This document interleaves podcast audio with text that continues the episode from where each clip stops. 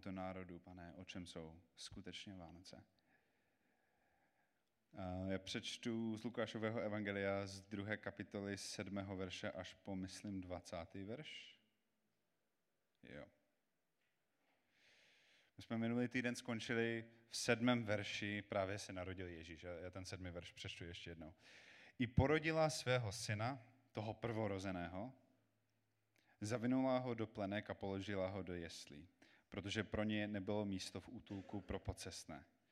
V, těžké, v téže krajině byli pastýři, kteří pobývali venku a v noci drželi hlídky nad svým stádem.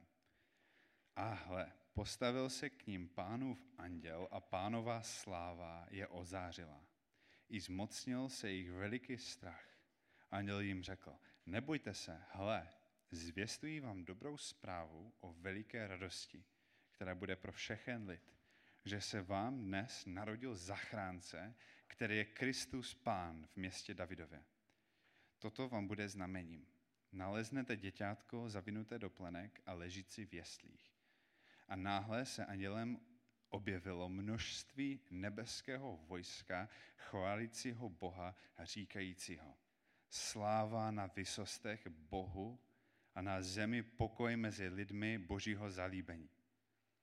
A stalo se, že jakmile od nich anděle odešli do nebe, začali si pastýři mezi sebou říkat, pojďme tedy až do Bet.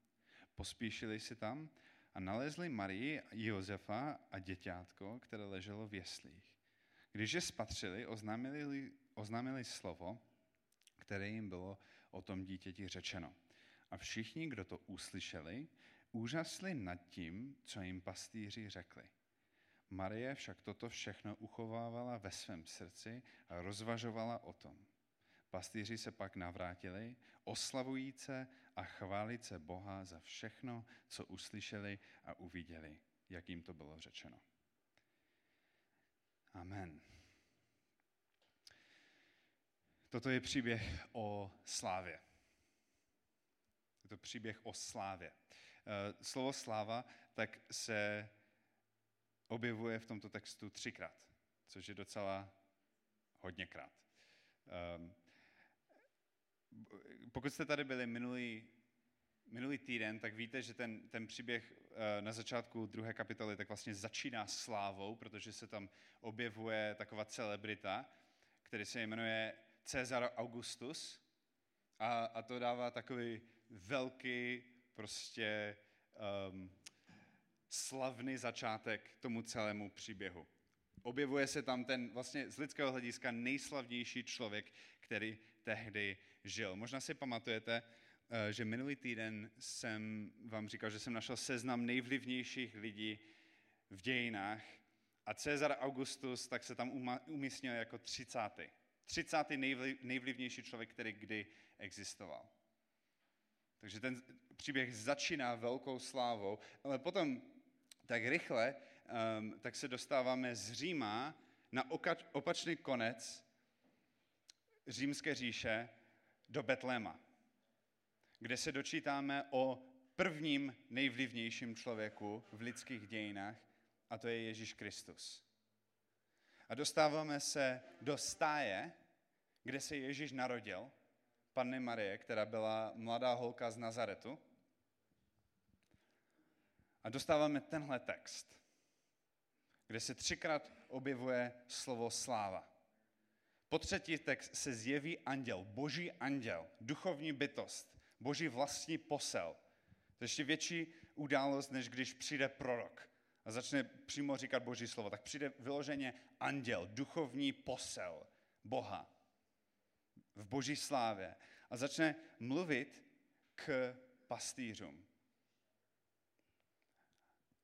A potom, co oni něco oznámí, tak se tam objeví celé vojsko, je tam napsáno, um, a objevilo se množství nebeského vojska, chválícího Boha a říkajícího sláva, to, to je uh, druhý druhé užití toho slova, na výsostech Bohu a na zemi pokoj mezi lidmi božího zalíbení. Můžete si to představit. Zástup božích vojáků, asi je to armáda, a chváli Boha. To je jedno z nejslavnějších scén v celé Bibli. Možná s výjimkou stvoření světa, z mrtvých stání a druhého příchodu, tak toto je snad nejslavnější událost. Představte si to. Celá noční obloha tak je pokrytá andělama, kteří chválí Boha. A je zajímavé, že Bůh se rozhodne tímto způsobem se zjevit pastýřům. Obyčejným, těm nejobyčejným lidem, nejobyčejnějším lidem eh, v Betlémě nebo v okolí. Toto je jedno z nejslavnějších scén v celé Bibli. Poprvé, co se objevuje slovo sláva, tak je to, když se zjevil anděl pastýřům. Počkejte, já najdu. Uh, jo, devátý verš. A hle, postavil se k ním pánův anděl a pánova sláva je ozařila. I zmocnil se jich vel, veliký strach. Anděl se jim zjevil a řekl jim, nebojte se, zvestuju vám dobrou zprávu. A chtěl bych mluvit o jedenáctém verši že se vám dnes narodil zachránce, který je Kristus Pán v městě Davidově. Předmět té slávy tak je narození zachránce, který je Kristus Pán. Narození Ježíše Krista. To je pro Pana Boha ohromně důležitý okamžik.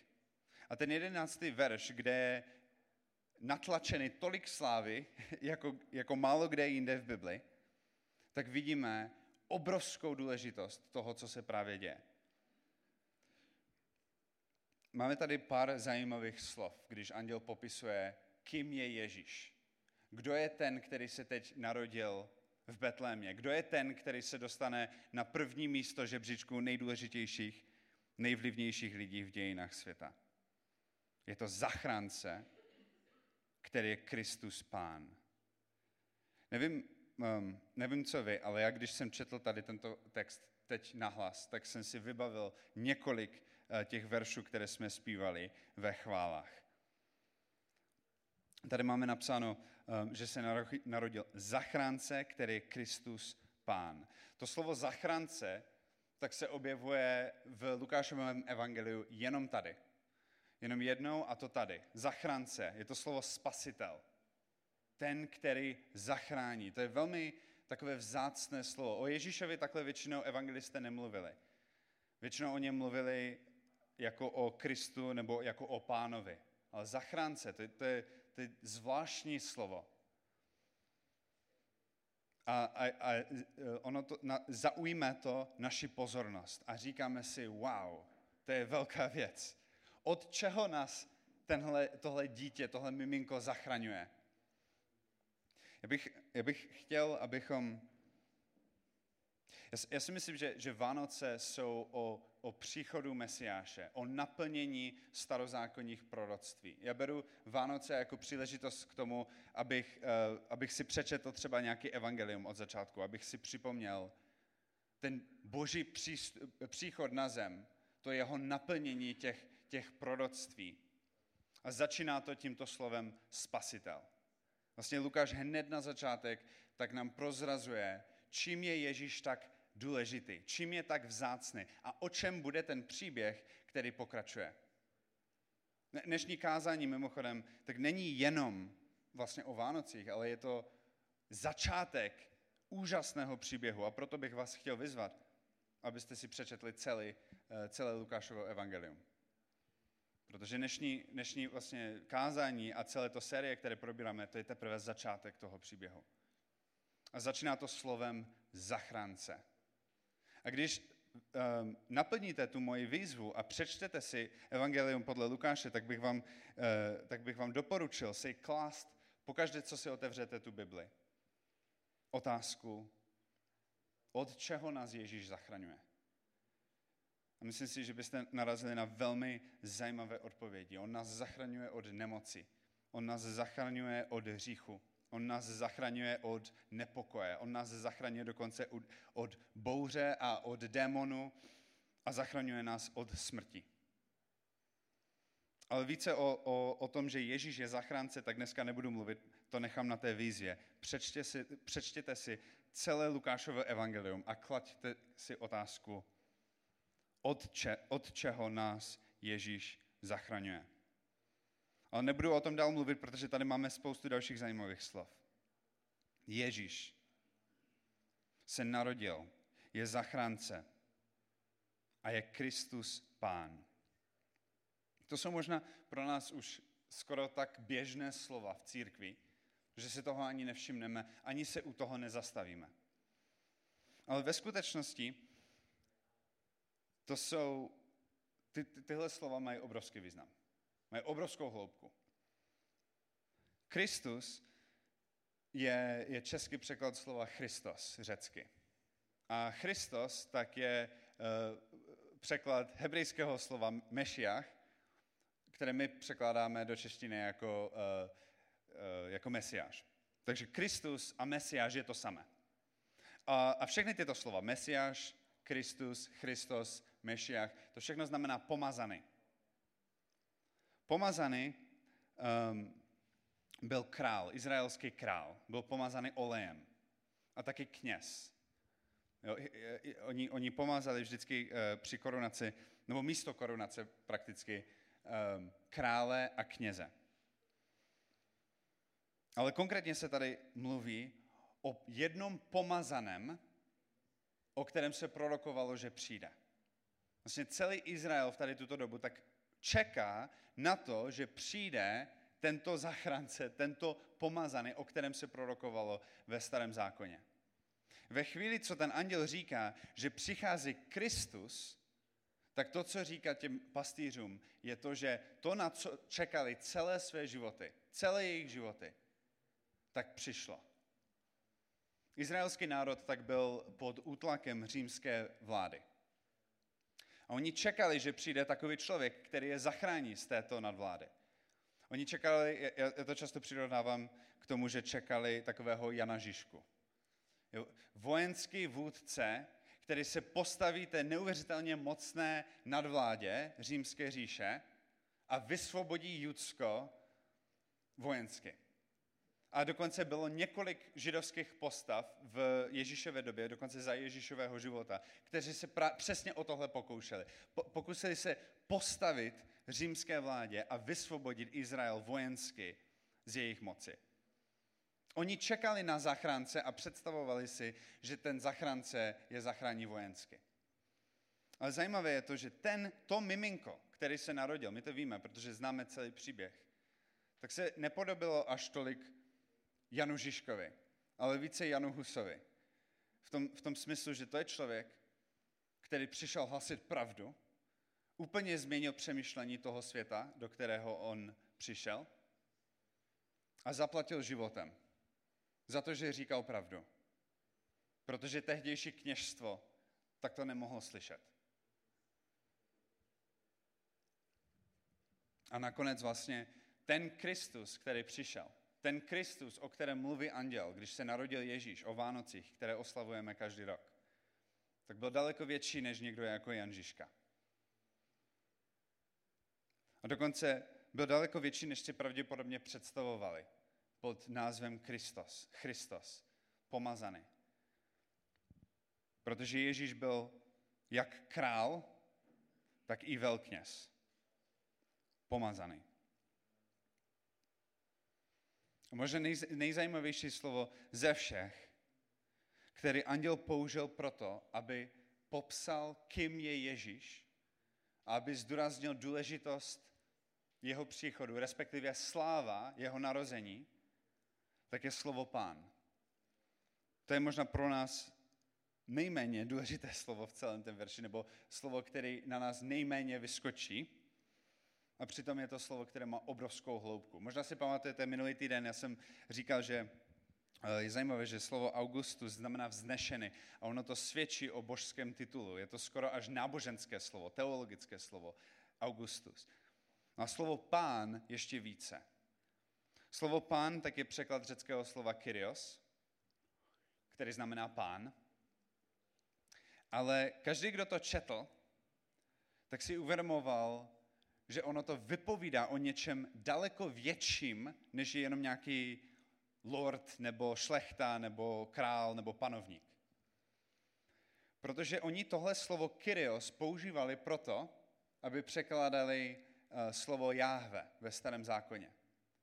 Když překládali, překládali starý zákon a narazili na jméno hospodina, hospodin vlastně, Jáhve, Jehova, někdo to takhle překládá, často je to psáno jako Adonai, protože Židé to měli zakázáno říct. Tak, tak, tak používali místo slovo Adonai, což je hebrejsky slovo pán. Místo toho, aby řekli Jáhve, tak říkali Adonai. A když to překládali do řečtiny, tak Adonai, Jáhve, hospodin, mimochodem my děláme to samé, my neříkáme Jáhve, my říkáme hospodin, to je boží jméno. A v řečtině tak používali slovo Kyrios. A potom Lukáš slovo Kyrios používá pro Ježíše. Dokonce myslím, že všichni evangelisti tak používají slovo Kyrios, když popisují Ježíše. Pán Ježíš s velkým P. A to pán může znamenat hodně věci. Ale má to obrovský teologický význam. Toto je jedno z nejsilnějších ukázek na to, že pán Ježíš, který se narodil v Betlémě tehdy, před dvěmi tisíce lety, nebyl jenom člověk, ale je to Bůh. Sám hospodin, který se narodil do jeslí. A proto je tady tolikrát použité slova sláva.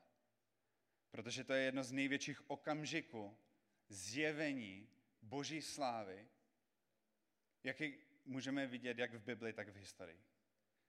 Bůh sám se narodil ženě, přišel na svět, aby nás zachránil.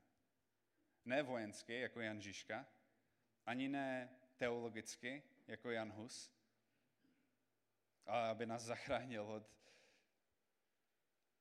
našeho hříchu, od naší smrti, od každého, od každého skutečného problému, který my můžeme prožívat v tomto životě. Druhé užití slova sláva, um, tak vidíme, když andělé dobrořečí Pána Boha. Přijde ten zástup těch andělů, to celé vojsko a říká ve 14. verši Sláva na vysostech Bohu a na zemi pokoj mezi lidmi božího zaslíbení. A před chvilkou tak jsem říkal, představte si, jak noční obloha je také naplněna andělama. Já si ani nedovedu představit, jak to vypadalo. Bohužel ono to není popsáno. Ale je to jedno z nejslavnějších událostí v celé Bibli. Ale velmi zajímavé je, když si představíte, komu byla tahle slavná událost zjevena. Protože to nebylo Cezarovi Augustovi. Na začátku příběhu bychom možná očekávali, že tito andělé tak se zjeví jemu, anebo se zjeví Herodovi, který byl zdaleka nejmocnější člověk um, v Judsku v tu dobu. A strašně fascinující je, že nejslavnější událost v Lukášovém evangeliu tak se odehrává v Betlémě a účastní se toho špinaví pastýři, mladá holka z Nazaretu a obyčejný tesář Josef. Pastýři v tu dobu tak zpravidla žili na okraji společnosti, protože tam žijou ovce. Potřebovali velké pole, aby, aby tam uh, mohli žít ovce, tak tam žili pastýři. A zpravidla smrděli, protože pracovali se zvířatama. Takže toto nebyla nějaká vyšší kasta uh, izraelské společnosti. Dokonce by se o nich dalo říct, že to je spodina. Marie je z Nazaretu, což je jedno z nejméně prestižních míst, ze kterého člověk může prostě pocházet. Jo? Nebudu dělat dneska přirovnání z Frenštátu. jo. Co? Z Orlové. Marie z Orlové. Jo. Mladá holka, možná 16 let. To jsou ty nejobyčejnější lidi, které si dokážeme představit. To je úplně neuvěřitelné. Já si myslím, že je velmi důležité, a je tady obrovský, obrovský kontrast, jo? obrovský kontrast, když to čteme. Obrovský kontrast jak e, mezi tou mocí, kterou jsem popisoval minulý týden, a tou, tím, jak jsou, je, je, jsou prosté ty podmínky. Ne, ne prosté, jsou, to, to jsou ty nejhorší podmínky, za kterých si dovedete představit, že by někdo někoho rodil. Prostě oni, nemě, oni nebyli ani v domě, protože nebylo místo v domech. A teď při chvilku pamatujte, já jsem řekl, třikrát se tady objevuje slovo sláva. Nebe plno andělů. Jo? A teď Bůh místo toho, aby se narodil do nějakého paláce, tak ani si pro sebe neudělá místo v nějakém domě. Co se tady děje? Ten kontrast mezi tou slávou nebeskou a mezi tou prostotou těch obyčejných lidí, kterých se to týká, komu se Bůh zjevuje, je jako naprosto zaražející. Protože ta sláva, o kterém se tady mluví, tak není lidská sláva. Ale je to boží sláva. A to je poenta toho příběhu. Že pán Bůh v nejslavnější události celé Bible, když on se rozhodl sestoupit k nám a přijít v těle. Hospodin přichází v těle na zem. Tak přichází pro všechny. Ten největší slávy, kterou si dokážeš představit, který kdy můžeš zažít, který kdy uvidíš, tak můžeš zažít. Není to rezervované pro nikoho, ale je to pro každého. Vlastně kdokoliv tady, tak se můžeme účastnit té úžasné slavy. Možná, že ne každý tady, tak má přístup k největší lidské slávě. Jo, ať už jsou to peníze, ať už je to, je to možná nějaký prestiž, anebo vůbec popularita, anebo vůbec finanční nezávislost. Je spoustu materiálních věcí, ke kterým přiznávám, že ne každý má přístup. Ale každý, který je tady, tak má přístup k té největší možné slávě. A to je boží sláva. Každý z nás, tak se můžeme účastnit toho nejúžasnějšího příběhu. Protože Ježíš, když přišel na zem, tak přišel pro každého. Pro každého, který je tady. A to je vlastně to, jak ten příběh pokračuje. Hned šli do Betléma, hned si šli najít to miminko. A potom na konci toho e, příběhu, tak máme poslední užití slova um, slávy, 20, ve 20. verši. Pastýři se pak navrátili, oslavujíce a chválice Boha za všechno, co uslyšeli a uviděli, jak jim to bylo řečeno. Vlastně hned předtím, než, než oni oslavují Boha a chválí ho, tím končí ten příběh, um, tak je, je napsáno v 17. verši, že když je spatřili, oznámili slovo, které jim bylo o tom dítěti řečeno. A všichni, kdo to uslyšeli, úžasli nad tím, co jim pastýři řekli. A podobně, tak já dneska říkám některé úžasné věci o tom, kým je Ježíš. My všichni máme příležitost žasnout nad tím, co nám evangelista Lukáš říká. A vlastně tím se to šíří a každý dostává tu příležitost se účastnit nejslavnější událostí celého evangelia. Nebo druhé nejslavnější. Ale i ten nejslavnější se můžeme účastnit a to je Ježíšové zmrtvých stání. Protože když jsem mluvil o tom, že Ježíš je spasitel, tak to, od, od čeho nás spasil, tak je naše smrt. A to udělal na kříži. A to udělal tím, že vstal z mrtvých. A on když vstal z mrtvých, tak to nebylo na pár let, než se dožil osmdesátky. Ale to bylo na věčnost. Protože ten Ježíš, o kterém dneska čteme, že se narodil do jesle v Betlémě, tak je ten stejný Ježíš, který žije dnes. Stejný Ježíš, se kterým se můžeme setkat dneska. Ale otázka je, co s tím uděláme. Představme si, že jsme ti obyvatelé Betléma, kteří teď uslyšeli dobrou zvěst o tom, kým je Ježíš, jak přišel, proč přišel, co přišel udělat. A teď my máme tu možnost se účastnit Boží slávy a Božího plánu a vstoupit do jeho přítomnosti. Lidé v tu dobu tak očekávali spoustu různých věcí. Spolehali na různé věci, prožívali různé věci.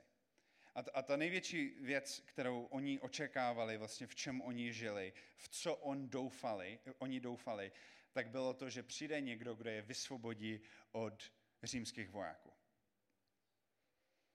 A přišlo něco jiného. To, co přišlo, bylo něco jiného. Vůbec vlastně je to nevysvobodilo od římských vojáků. Ti zůstali ještě dalších 400 let víc. A on přišel pro úplně jiný účel. A myslím si, že je velmi zajímavá otázka, co my očekáváme. A jestli jsme připraveni na to se účastnit Boží slávy, ale skutečně Boží slávy, tak jako On to plánoval, tak jako On to určuje, podle jeho plánu. Jestli jsme připraveni přijít a vidět miminko a uvědomit si, toto je Bůh v těle. Uvědomit si, to je úplně něco jiného, než já jsem očekával, že mě zachrání. A zachrání mě úplně jiným způsobem, než já jsem očekával. Ale wow, to je nejslavnější věc, kterou já jsem kdy zažil, kterou já jsem kdy viděl. Takže já bych chtěl dát výzvu, abychom se teď modlili všichni, každý sám za sebe. V co já teď doufám? Co já teď očekávám? Jak, jak já si představuju, že bude vypadat záchrana v mém životě? Abychom nechali, aby ta věc, co nás zachrání ve skutečnosti, tak byl Ježíš. Podle svého plánu. Abychom se nechali zachránit od toho, od čeho nás Bůh chce zachránit, abychom nechali, aby Ježíš byl naším spasitelem, který nás spasí od toho, pro co přišel spasit svět. Od hříchu, od smrti. Jinak řečeno, tak vás prosím, každý, kdo chce, tak dávám výzvu, otevřenou výzvu každému, aby pustil Ježíše do své srdce. Aby si Ježíš stál, a teď přečtu přesně, co říkal ten anděl, aby si Ježíš pro každým z nás stal osobním zachráncem, který je Kristus Pán. Tak eh, já tady pozvu za minutu Filipa a dám možnost každému se modlit zvlášť. Pane Bože, tak prosím, aby ty si, um, aby ty si se nám zjevil, tak jako jsi se zjevil těm andělům, pane, abychom mohli, um,